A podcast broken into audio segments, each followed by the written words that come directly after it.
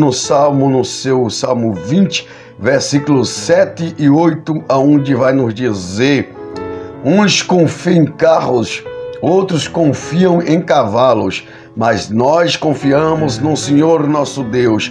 Muitos se curvam e caem, mas nós, nós nos levantamos e ficamos de pés. Sim, Deus está falando com você. Levanta-te, põe-te de pé no meio desta batalha, no meio dessa guerra, no meio deste confronto que você está, sim, neste momento difícil da sua vida. Levanta, põe de pé, confie no Senhor teu Deus, confie no Senhor Jesus, confie na força e no poder do Espírito Santo.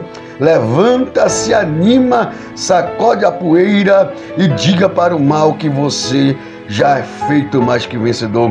Como está escrito lá em Filipenses 4, 12. É, todas as coisas, viu? Todas as coisas você vai poder em Deus. Porque está dizendo assim: o Deus de paz, em breve, por Cristo Jesus, suprirá todas as nossas necessidades.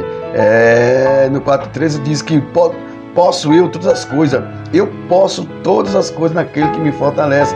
Você pode todas as coisas no Senhor que te fortalece. Você pode todas as coisas no Deus de Abraão, no Deus de Isaac, no Deus de Jacó. Você tem que se levantar. A guerra é grande. Os cavalos são muitos, são muitos inimigos, são muitos acusadores, são muitas afrontas. É verdade, são muitas coisas que veio contra ti. Parece que tudo leva para o errado, para o não dar certo, para o não vai conseguir. Mas Deus está dizendo vai dar certo, você vai conseguir. Levanta a tua cabeça, anima-te, encoraja-te, enche esse diafragma aí, ó.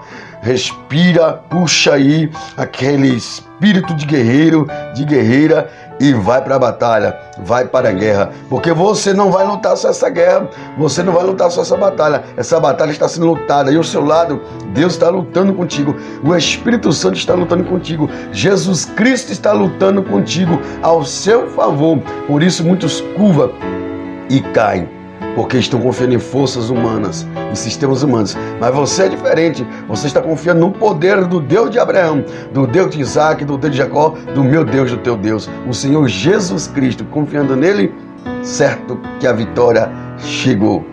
Receba a vitória. Deus está te dizendo: Eu sou contigo. Levanta tua cabeça, anima-te, encoraja-te. Eu sou teu Deus. Eu te esforço, eu te ajudo. Eu te tomo pela mão de